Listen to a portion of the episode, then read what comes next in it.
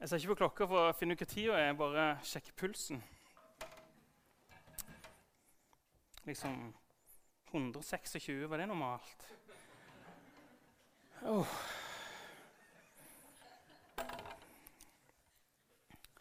Fytti. Uh, ja.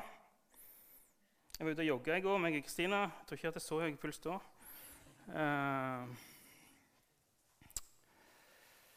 Håper dere sitter godt, iallfall. Skal jeg prøve å roe meg ned. Um, ja. Jesus, nå må du komme. Uh, må du være her. Du, ja.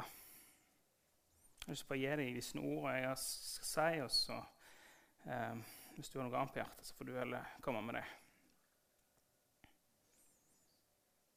Amen. Silje, vet. Takk. Um, ja um, I dag er det første gudstjeneste i februar. Jeg, um, det kommer slite med meg en søndag til. denne undervisningen her skulle egentlig vært første søndag i januar, ikke første søndag i februar. Så er har to gudstjenester som er avlyst pga. Av smittevern og eh, restriksjoner og sånne ting. Sant? Um, så i dag starter vi på et nytt tema. I høst så var det dypere røtter. Nå er det denne våren rotfesta. Um, vi snakket hele høsten om hvordan får du et eller hvordan får du dypere røtter. Uh, vi studerte Salme N uh, og holde seg nær til Gud. Vi snakket om jordsmonnet det ble snakket om lønnkammeret. Og jeg avslutta med sånn sjukanten, sju ulike praksiser på hvordan vi praktiserer og eh, lever nært til Jesus. Du kan gå inn på Spotify og finne, websida og finne alle talene fra høsten. Der er det mye bra, mye gull. Um, men når vi tar en sånn kjapp oppsummering som dette her liksom, holde seg nær til Gud, eh, lønnkammer eh, Sånn Salme 1, grunna på dag og natt. Hva, hva, er det du hører da? Um, ofte tror jeg at vi kristne i Vesten vi har sånn stort 'må'. Um, det er for sånn befaling du må holde deg nær til Gud. Det er som en sånn faresignal, sånn skilt sånn Oi, pass på her nå. Um, et krav uh, eller et godt råd som de gode, flinke kristne klarer å utføre. Um, altså er det det. Det er et kjempegodt råd. Og så er det så enormt mye mer enn det. Holde seg nær til Gud uh, det er et valg på liv og død. Um, hvis du ikke holder deg nær til Jesus, så enkelt, da går du fortapt. Da har ikke du en evighet i lag med Jesus. Bibelen er krystallklar for at livet har to utganger, og bare det. Den ene er en evig fortapelse. Den andre er en, en, eh, et evig liv i lag med Jesus. Og Skiltet minner meg på at uh, Bibelen som Matteus 7 at uh, brei er den vei som fører til fortapelsen, og mange er de som går på den. Smal er den vei som fører til livet, og få er de som finner den. Det er Bibelen som river og rusker. Uh, vi vil jo at mengden skal finne Jesus. Så Derfor er dette å holde seg nært til Gud kjempeviktig. Det som skjer når vi bringer inn disse spørsmålene og evigheten, er at valgene du gjør i dag og resten av livet ditt, det får en betydning. Derfor prøver og strever vi å holde oss nær til Jesus. Og Problemet vårt er bare at vi lager en eller annen form for religion ut av dette. Vi kommer til Jesus og så sier vi ting sånn som dette her. Se hvor flink jeg har vært. Jeg har holdt meg tett til deg. Jeg har fulgt bibelleseplanen, fått ungene til å lese Bibelen. Jeg har bedt, jeg har gått i huskirka, jeg har tienden til bedekirka og til med gitt i kollekt. Jeg har bedt for de som lener seg inn. Jeg baktaler ikke, jeg flørter ikke med andre enn ektefellen. Og så videre og videre. Og så kommer vi med spørsmålet Jesus, er dette nok for deg. Er dette nok? Er jeg frelst nå? Får evig liv nå? Eller så kommer du på andre sida at du erkjenner jeg har ikke noe disiplin, jeg leser ikke Bibelen, jeg ber ikke. Gudstjenestene de kjedelige, lovsang passer ikke for meg. Huskirka blir derfor nært og kleint. Løfte hendene i lovsang eller dele troa på jobb det er, litt sånn, det er litt for intenst. Uh, men takk, Jesus, at du elsker meg uansett. To grøfter å gå i. Begge måter å tenke på er feil. Så Når vi snakker om dype røtter, så handler det først og fremst ikke om de ytre tingene, men det handler om hva som skjer i hjertet ditt. Um, ikke de ytre handlingene. I ditt hjerte vendt mot Jesus? Sitter, eller sitter du på tronen der sjøl og har ikke abdisert, men men du prøver å ha kontroll sjøl? Da blir de ytre åndelige praksisene de blir religion når du sitter der sjøl. Hvis du adresserer, hvis du lar Jesus sitte på tronen din, og så begynner å nærme deg Jesus, så av et ydmykt hjerte Da er det liv. Da er det ikke religiøs handling og famling i blinde. Så Nå skal jeg snakke denne våren om eh, det å være rotfesta, så handler det om å være rotfesta i hjertet. Eh, og da tenker jeg, Det kommer til meg som være festa til noe som, noe som, holder, noe som gir trygghet, eh, noe som gir retning, og noe som gir kraft.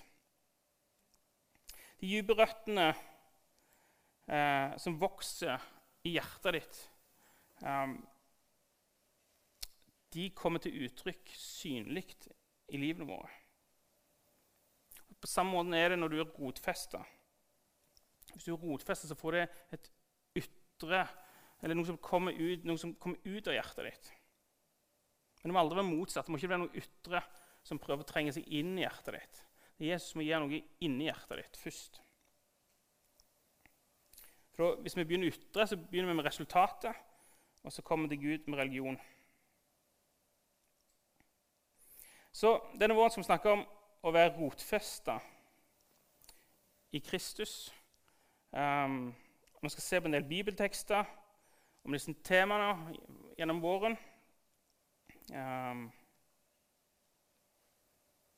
og hva det vil si å være menneske og være et menneske som er rotfesta i Kristus. Jeg sa at det var to utganger på livet. Sant? Evig liv eller fortapelse. Eh, og så tenker jeg at det er tre tilstander å leve livet i. Den ene er at du er ikke rotfesta i Kristus. Den andre er at du er på vei til å bli rotfesta i Kristus. Og den tredje er at du er rotfesta i Kristus. Så den, skjønner dere, er vandring her. Så I denne første undervisningen da, så skal jeg, eh, jeg har valgt å snakke om tre ting som kommer liksom til meg når jeg tenker på det å være rotfesta. Eh, prøve å pusle dette sammen, så vi ser hvor vi ender opp hen. Eh, men mitt ønske er at Den hellige ånd skal bruke disse tre tingene til å, til å gi noe i mitt hjerte, gi noe i ditt hjerte, gi noe i bedehuskirka, så vi blir ei kirke som er rotfesta i Kristus. Yes. Det første som jeg har lyst til å dra fram, det er åpenbaring. Jeg vet ikke hva du tenker når du hører ordet åpenbaring, og hvilket forhold du har til det. Og Det er mest brukt når vi kommer til bibelske eh, eller religiøse kretser. Kanskje du har et forhold til ordet, eh, kanskje du bruker det av og til. For min del så har dette blitt et ord som jeg bruker enormt mye.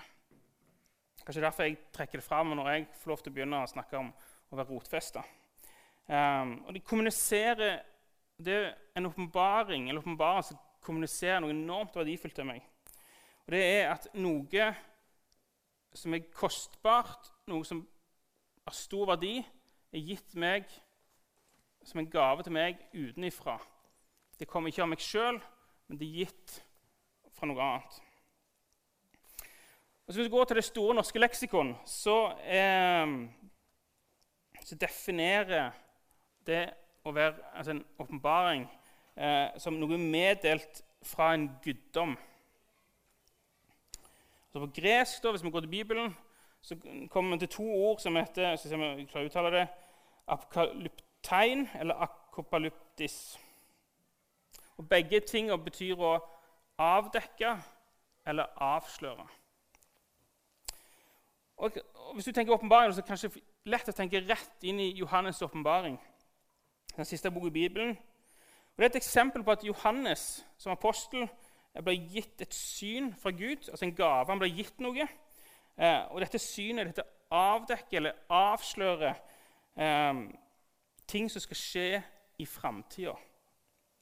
Johannes han eh, får se inn i Jesus sin store seier eh, over alt onde, over all synd, over all død. Og så ble Johannes bedt om å ta vare på dette, forvalte denne åpenbaringen. Jeg tror jeg siterte dette før, men Salme 119, eh, vers 130, er mine favorittvers. Eh, når, ditt, når, dine ord åpner seg, gir de lys. De gir innfoldig forstand. Du skal sitte med Bibelen, og så plutselig leser du noe. Kanskje du leser i tredje Mosebok i bibelleseplanen akkurat nå. så Jeg vet ikke om du får åpenbaring der. Jeg har iallfall gjort det. Kjempekjekt. Men når den kommer så, Wow, det hadde jeg ikke sett før. Et eller annet skjer. Du blir gitt noe. Du får en forståelse av et eller annet.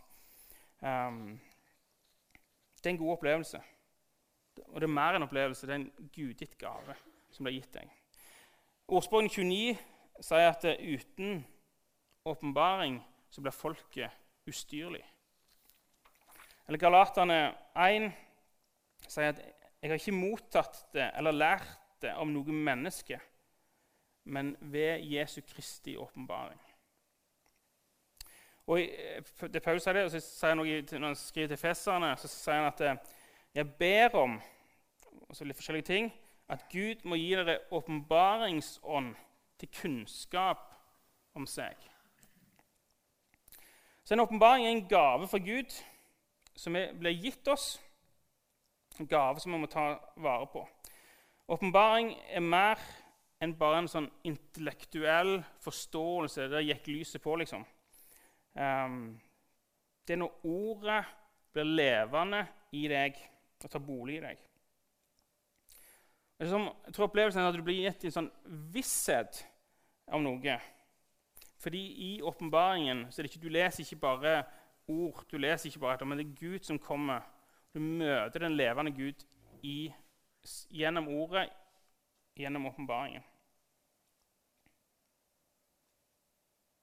Så måten da, altså Det som åpenbaringen gjør, er måten du begynner å tenke på, blir infiltrert fra Guds rike, ikke fra verden til du skifter tankemåte med antall åpenbaringer du bærer på. Jeg tror at det å være rotfesta handler om å tenke riktig. Men da, for å tenke riktig så trenger du åpenbaring om hvem Kristus er. Jeg tenker at eh, Rotfesta kommuniserer til meg fred, ro og tro og mot til å stå fast selv om verden rundt deg stormer. Du ankrer opp i Kristus. Du rotfester hjertet. Det får du ikke av intellektuelle tilnærming, men du får det at Ånden gir det som en åpenbaring til deg. Så ønsker Gud å åpenbare seg for deg. Han ønsker å vise deg hvem han er, hvem du er, og hvordan verden du lever i, fungerer. Han ønsker at det, det, du leser i Bibelen, ikke bare skal være kunnskap og ord, men at det skal bli til denne åpenbaringen som forandrer hjertet ditt. Og Kanskje mange av oss kjenner på mye kunnskap om Gud, og det er bra. Eh, men når vi blir gitt en åpenbaring om Gud, så er det akkurat som det skjer noe annet. Akkurat som du forstår det på en annen måte. Og Det er typisk sånn åpenbaring om at Gud er far eller at jeg er Guds barn, at jeg er en tilgitt synder. Du kan vite bare jeg er kløkt, eller du er en tilgitt synder, så oppfører du deg som du er en ikke tilgitt synder. Når åpenbaringen kommer at du er en tilgitt synder, så skjer det et eller annet i deg. Uh, så den andre måten kan du få en åpenbaring av at Gud faktisk er hellig. At han er en fortærende ild.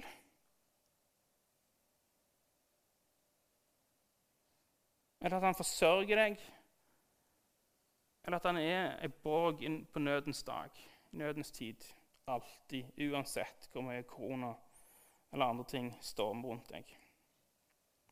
Og Mange av disse tingene vet vi, men når Gud får åpenbare det for oss, så blir det forandring. Da skjer det et eller annet. Åpenbaringen gir deg rotfeste. Så tilbake i Johannes' åpenbaring, da, så er det en eh, sekvens i teksten ganske tidlig der Gud sitter på tronen, og så er det de 24 eldste og, og noen livsvesen de sitter rundt Guds trone. Så roper de ut hele tida 'Hellig, hellig, hellig er du Gud'. Og så syns jeg den teksten er litt sånn Det ligner ikke Gud helt. Fordi at det høres ut som disse herrene eldste er programmert. De er roboter som, som bare eh, Gud har lagd det til sånn de skal sånn, dere hellig, hellig, hellig, og så hellig, hellig, hellig. Og så går det sånn på automatikk. Jeg tror ikke det er sånn. Jeg tror at de sitter der rundt tronen og så ser de Gud hele tida. Med å skue Gud, med å møte Gud, så får de nye åpenbaringer om hvem han er. Og så blir det sånn Wow! Hadde jeg skrevet Bibelen, så hadde jeg skrevet wow, wow, wow.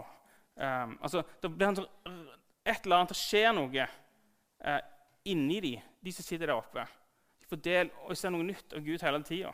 Det er Guds natur å alltid kunne vise noe nytt. Ufattelige, uendelige dybder i Gud.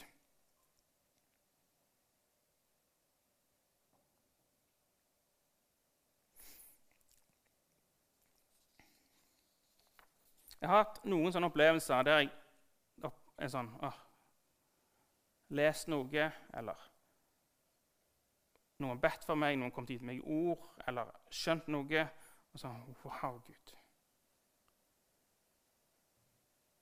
Det er en god plass å være. Og så er utfordringen som Gud gir til Johannes, å ta vare på de snora. Gud gir den samme utfordringen til oss, ta vare på åpenbaringen sånn at hjertet kan være rotfesta. Jeg sa innledningsvis at uh, vi kristne i Vesten vi hører ofte et 'må' vi er i møte med bibeltekstene. Jeg tror at vår enorme rikdom og velstand det ene ting, det andre er at vår enorme konsum av underholdning gir oss en virkelighetsforståelse som ikke stemmer, og en falsk opplevelse på at vi ikke trenger Gud. På overflaten i livet her i Vesten eh, så vi rigger oss til sånn at vi mester, eller at vi mestrer alt sjøl, og Herre eller Gud i eget liv. Så dette gjør at Når vi da leser Bibelen, så tar vi på oss noen religiøse briller. Så står vi i fare for å gå i disse grøftene. At Enten så prøver du å gjøre deg fortjent til Jesus' frelse, eller så tar du ham bare som en selvfølge. Som jeg sa, begge deler er feil, og begge deler kommer ut av at hjertet ditt ikke er grunnfesta, ikke rotfesta. I her bedekirka har vi et uttrykk på noe av dette for å prøve å forklare Eh, og det, det, kalles for invitasjon og utfordring. Eh, når vi prøver å gjøre undervisning, jobber med Futurum eller huskirkene, snakker vi mye om å gi en invitasjon eller gi en utfordring. Eller invitasjon og utfordring på samme tid. I Jesu undervisning så finner vi dette alltid. Han gir en invitasjon, og så, kommer, så utfordrer han oss til en respons etterpå. Han inviterer deg til å bli med på noe. Um, og denne invitasjonen er, Han ser ulik ut, men er alltid et eller annet du kan være med på noe verdifullt. Um, noe med, som har mening. Men i, i, invitasjonen som Jesus gir, der ligger det en gave som inneholder f.eks. frelse, bli del av Guds rike, tilgivelse for synd, for et nytt hjerte. Åndens gave og kraft, helbredelse, sinnets fornyelse, eh, himmelsk beskyttelse og forsørgelse. De gavene og den invitasjonen som Jesus gir oss, er så stor at vi klarer ikke romme, fatte alt i det. Men så fokuserer vi ofte på responsen. Vi fokuserer på det som Jesus utfordrer oss til. Um, det handler om å erkjenne hvem han er, tro på han, leve i lyset, leve i omvendelse. Uh, med dåpen dø for oss sjøl, ha Jesus som Herre, adlyde Han i alle ting. Elske vår neste betingelsesløst, verne om Guds verdier, gå når Han sier 'gå', handler når Han ber oss om noe. Og igjen, Da er vi ofte borti det her i må, krav og alt dette kommer opp. Um, og det er måten vi tenker på, måten vi møter det på. Det er at eh, Vi skjønner ikke at når Jesus utfordrer oss til noe, så han først inviterte oss inn i noe annet som er så hinsides mye større enn den lille utfordringen han gir oss. Se på den rike unge mannen i Bibelen, Matteus 19, tror jeg det. Eh, han får en utfordring om å selge alt han eier, for å gi til de fattige. Og så kommer følge Jesus. Det er jo noe som rokker med oss kristne i Vesten, og i vår, spesielt i Norge, med vår rikdom og velstand. Men Jesus utfordrer jo ikke denne unge mannen til å selge dette uten at han, denne unge mannen skjønner at også, hvem han snakker med. Han, han, skjønner at dette er Messias. Og hvem, hvem er Messias? Jo, det er han, det er kongen um, som har uendelig med ressurser, som alltid vil være nær, som alltid har alt som har all makt. Og Da er det jo ikke farlig å selge alt du eier, og gi det vekk. Så utfordringen du får, er ikke større du ble, det du ble invitert inn til. Samme det med misjonsbefalingen. Jesus sier 'gå ut i all verden'. Høres ut som ganske store utfordringer som ble gitt oss. Men invitasjonen er jo at eh, jeg skal gå med hver dag. Andre plass i Bibelen står det at vi skal være, utfordringen ble gitt at du skal være trofast i bønn, utholdende i bønn, be alltid. Invitasjonen på andre sida er at du satt i himmelen med Kristus. Du satt på en plass der du kan se mer klart enn noen politikere. Enn alle de som styrer verden, for du satt over med Kristus. Du kan være med å regjere, du kan være med å påvirke det som skjer i verden, i bønn. Så det er en invitasjon, en utfordring om å be, men det lander, eller det er bygd på en invitasjon som er så mye større. Samme er det med Bibelen. Gud sier i salmen som vi snakket om i, høst, grunn på dag og natt. Og så er det sånn åh, må, må vi det, liksom? Men så invitasjon, eller utfordringen til å gjøre det er sånn at invitasjonen er mye større. Det er et levende ord som gir deg evig liv hvis du spiser det, tar det til deg, lever etter det. Det er, svar på alt. Det gir åpenbaring for et rotfesta hjerte. Så vi i Vesten må, må, tenke sånn at når Gud utfordrer oss, når, vi, når du hører forkynnelse eller i huskirka eller du leser Bibelen og finner sånn må-ting 'Jeg skulle gjort det, jeg skulle gjort det, jeg skulle gjort det' Så må vi skifte blikket over og tenke hva er invitasjonen som ligger her først? Det er aldri en utfordring fra Jesus uten at det er blitt en invitasjon. Det er aldri en utfordring om å følge Jesus uten at han har sagt at 'jeg har leid deg opp først', 'jeg har gitt deg livet, gitt livet for deg', Jeg er med deg hver dag. Hvis vi bare fokuserer på det som er utfordrende, så blir det fullt av krav.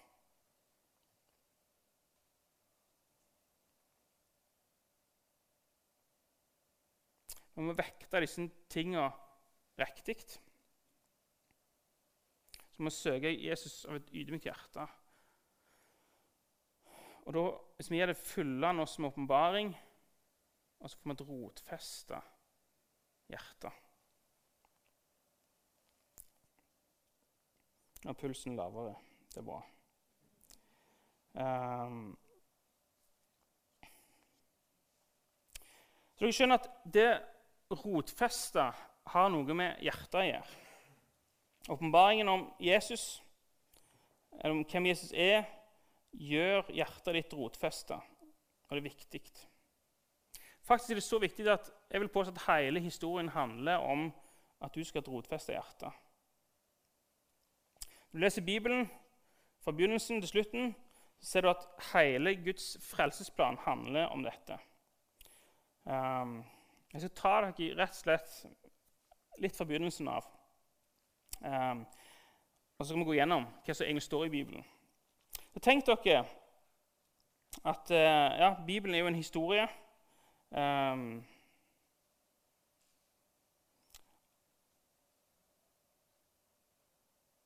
ja, sant? Dette handler om, Denne historien handler om Gamle testamentet først og fremst. Uh, og Paulus skriver at uh, alt som er skrevet i Gammeltestamentet, er skrevet for at vi skal lære av det, vi skal ha håp, vi skal ha, få tålmodighet, vi skal få trøst av å lese dette. Derfor er det viktig å lese dette. Um, så Se for deg da, denne streken her som ei tidslinje. Der Gud er alt. Han er før og etter og i denne tidslinja. Han har skapt tida. Han er alfa og omega. Han er begynnelsen og slutten.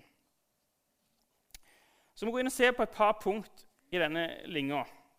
Eh, I første elleve kapitlene av Bibelen da leser vi om urhistorien. Vi leser at Gud skaper verden, setter den i stand. og I sentrum av hele skaperverket finner vi mennesket. Gud skaper oss fordi han har lyst på en relasjon. Han vil være din far. Han vil vandre med deg hver dag så gir han oss ansvar om å forvalte skaperverket og den jorda han har skapt. Så kjenner dere historien. sant? Dessverre så gir vi opprør. Vender oss bort og velger å gjøre ting på vår egen måte. Hvis du fyller bibelleseplanen, så har du hørt disse tingene Bible Project-filmene snakker om, repetere igjen og igjen og igjen. For her er det noe viktig. Så Vi velger sjøl å definere reglene som Gud har satt for å verne om skaperverket. Vi, vi, velger å definere de på vår egen måte. Kunnskapen om godt og vondt førte til at synd og død kom inn i skaperverket, og vi vender oss fra Gud. Og Så leser vi de første elleve kapitlene om urhistorien om mennesket. Um, der Gud prøver å få oss mennesker til å velge Han igjen. Og leve sånn at vi holder det verdifulle som Gud har skapt, istedenfor å ødelegge det. Men gang etter gang så ser vi at historier for eksempel, om Noah eller Babylon, eller vi leser inni etterlistene, så ser vi at vi mennesker ikke er i stand til å velge det gode. Vi er korrupte. Eh, ondskapen er så stor i hjertet vårt at dette ødelegger skaperverket. Det ødelegger oss sjøl. Vi ser et mønster at vi er et korrupt menneske med et korrupt hjerte. Um, og Dette mønsteret som vi ser, er tre ting hvis du, hvis du zoomer ut og ser gjennom hele Gamle testamentet. Det er at vi misbruker og utnytter mennesket til egen seksuell tilfredsstillelse. Vi kjemper om å få mest makt og innflytelse på bekostning av andre om å samle så mye rikdom som mulig til bare oss sjøl. Så makt, penger sex alt til egen nytelse på bekostning av menneskene rundt oss. Det er de første elleve kapitlene handler om. Om en om menneskeheten som gikk feil, som blir korrupte, har et hjerte som er korrupt, som ikke følger Gud. Og Her kommer vi godt detaljvis inn i denne historien. Men Et par sånne highlights her. Neste er om israelsfolket. Gud velger ut en familie, en mann, Abraham.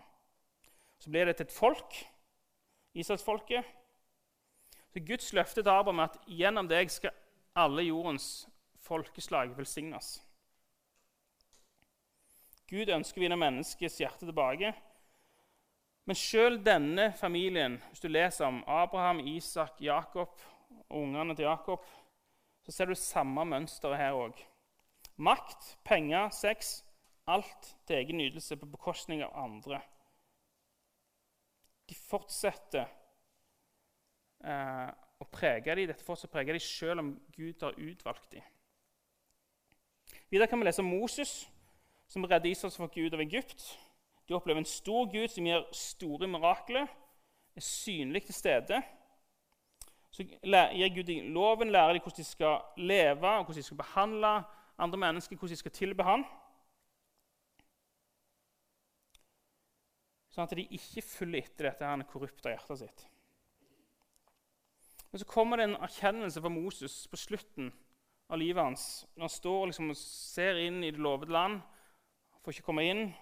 Sier han til Gud, etter, etter mange års erfaring, sier han Gud, dette går ikke. Dette funker ikke. Folket du har valgt deg, de er korrupte, de har et hardt hjerte. Det nytter ikke.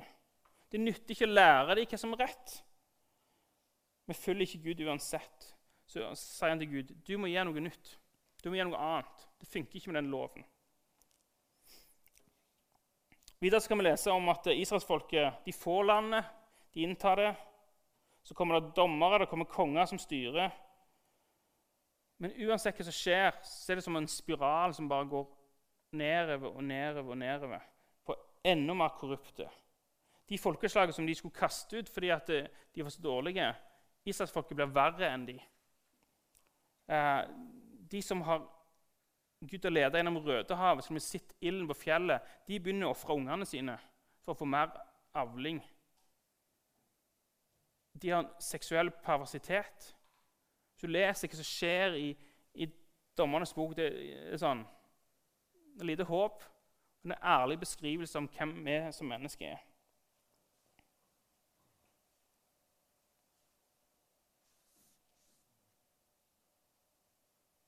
Alt handler om begjæret etter makt, etter penger, seksuell nytelse på bekostning av andre. Spol vi litt fram, så utover denne historien så møter vi profetene. Og Det er noen gudsfolk her som, som bærer på en lengsel om at Gud skal gjøre noe nytt. Jesaja han skildrer et folk. Ser et folk som har lov, blitt gitt loven, gitt buda, men hjertet deres er langt vekke fra dette. Men så begynner han å snakke om en åpenbaring som Gud har gitt ham, om et håp om at Gud skal sende en redning. Så kommer Jeremia etterpå og fortsetter å snakke om, om at det skal komme en omvendelse på hjertet. Og Til slutt kommer Esekiel, som tar opp Moses sine ord, som Moses sa før han døde, at dette går ikke lenger. Gud, du må, må gjøre noe nytt. Og det tror jeg Et, et av de nøkkelversene i hele Gamletestamentet er Esekiel 36, 26-27. Der Gud skal ta bort det harde steinhjertet hos mennesket og erstatte det med et nytt kjøtthjerte. Så Esekiel beskriver et hjerte der loven og budene ikke blir tillært, men de er gitt inn i hjertet. Et hjerte som ikke er korrupt, et hjerte som ikke dras til begjær, til egen nytelse men det hjertet som er helt etter Gud i alle ting. Og Etter hvert i profetene så er det sånn at denne lengselen etter at Gud gripende gjøre dette, den blir stor. Så kommer vi til kjernen i historien. Jesus, Guds egen sønn, kom ned, tok de straff, de synd. Han forsonte oss med Gud. Han ble Guds offerlam som bar all synd. gikk i døden for oss. På korset vant han. Dette kan vi. Eh, han vant over døden, han sto opp igjen, han lever i dag som konge, som skapte oss, som frelste oss, og som skal gi oss et evig liv. Men Jesus gjorde mer enn dette òg. Han viste oss en måte å leve på. Der som vi var korrupte, der delte han sin rikdom. Der tjente han de som lei nød. Der elsker han folk selv om de svikter. Spoler vi kjempefort fram og enda lenger enn oss sjøl, så kommer vi til evigheten. Det som snakket om Johannes' åpenbaring i begynnelsen. Johannes beskriver hvordan det går til slutt på denne tidslinga. Om en ny jord, en ny himmel, uten dette korrupte hjertet. Uten tårer, uten sykdom, uten nød. Det er ondskapen som vi brakte inn i verden med vårt svik hjerte, det er borte for godt.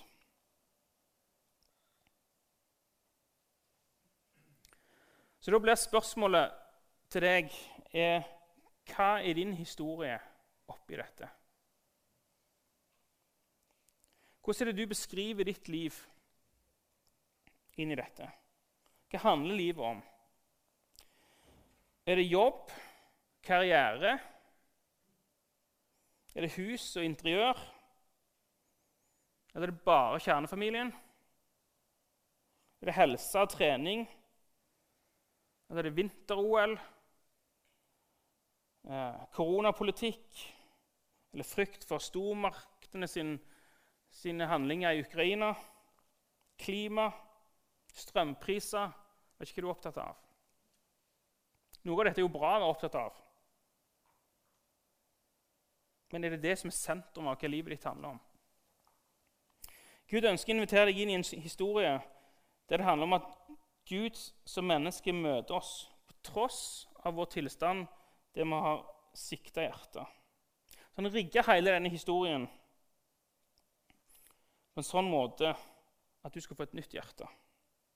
Et mykt, et varmt hjerte fylt av godhet, kjærlighet og omsorg til alle mennesker rundt deg. Et hjerte der synd og død ikke har makt lenger. Og eneste måten han gjorde dette på, var å gå i døden for deg.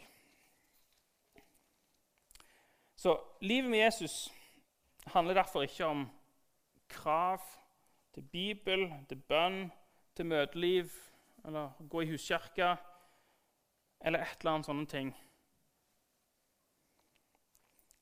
Så når vi snakker om å være rotfesta eller eh, ha dype røtter, som vi snakker om i høst, så handler det om å leve et liv med Jesus. Og I sentrum av dette så er det en invitasjon fra Jesus om et nytt hjerte. Så gir han òg en utfordring. Altså, du må ta vare på dette hjertet. For du befinner deg fortsatt i en fallen verden. Det kommer en evighet. Det er alt dette vekker, men det er en mellomdistanse nå før dette vekker. Der han har gitt deg et nytt hjerte allerede. Der han har frelst deg, der han har vunnet over døden, han har vunnet over synda. Og så gitt deg dette hjertet i troen, i dåpen. I etterfølgelsen av Jesus får du dette hjertet. Men utfordringen du blir gitt, er at du må ta vare på det. Og så er spørsmålet, Hvordan vekter du det da? Jeg må ta vare på hjertet mitt kontra alt Jesus har gjort for deg. Rigge hele historien for deg for at du skal ta vare, klare å ta vare på dette hjertet. Så når han utfordrer deg på at du må dø for deg sjøl, altså ditt gamle, syke, korrupte hjerte, holde deg nær til Jesus og følge han i alt, så det er fordi at han vil at du skal være rotfesta, trygge, ikke vakle hit og dit.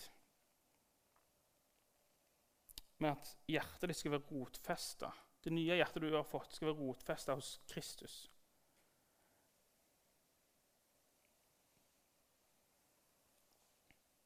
Dette trenger vi en åpenbaring for å forstå. Um, når du søker Han hver dag, eller når du er man Når du er i fellesskap, når du leser Bibelen, når du ber, så møter du en levende Gud som rigger hele historien for at du skal få en åpenbaring om hvem han er, sånn at ditt hjerte kan bli fast, trygt, grunnfesta og rotfesta i Kristus. Så må vi be. Jesus, takk at, uh, takk at du kom. Takk at du gir oss åpenbaring om hvem du er. Så må du hjelpe oss å forvalte dette. Så må du hjelpe oss å skjønne at når du utfordrer oss til noe, så er ikke det religion du utfordrer oss til, men det er å svare på den store invitasjonen du har gitt oss. Så gir du oss et nytt hjerte som ikke er korrupt. Som Jesus ber om du skal hjelpe oss å ta vare på det. Ta vare på det på en sånn måte at du kan komme inn der, og dette hjertet, det nye hjertet du gir oss, Jesus, at det skal være rotfestet hos deg. Så vet du hvor vi er hen, du vet hva vi trenger. Du vet hva jeg trenger, du vet hva de som sitter og hører på, trenger. Du vet hva du vil, Jesus. Du er den som er herre. Så jeg ber bare nå at eh, hver enkelt av oss skal åpne opp hjertet vårt for at du eh, kommer, komme og åpenbare deg sjøl, være til stede. At vi kan kjenne på gaven, invitasjonen du gir oss. Så kan vi respondere på utfordringen du gir oss. Vi må ta vare på hjertet, følge deg, adlyde deg. Amen.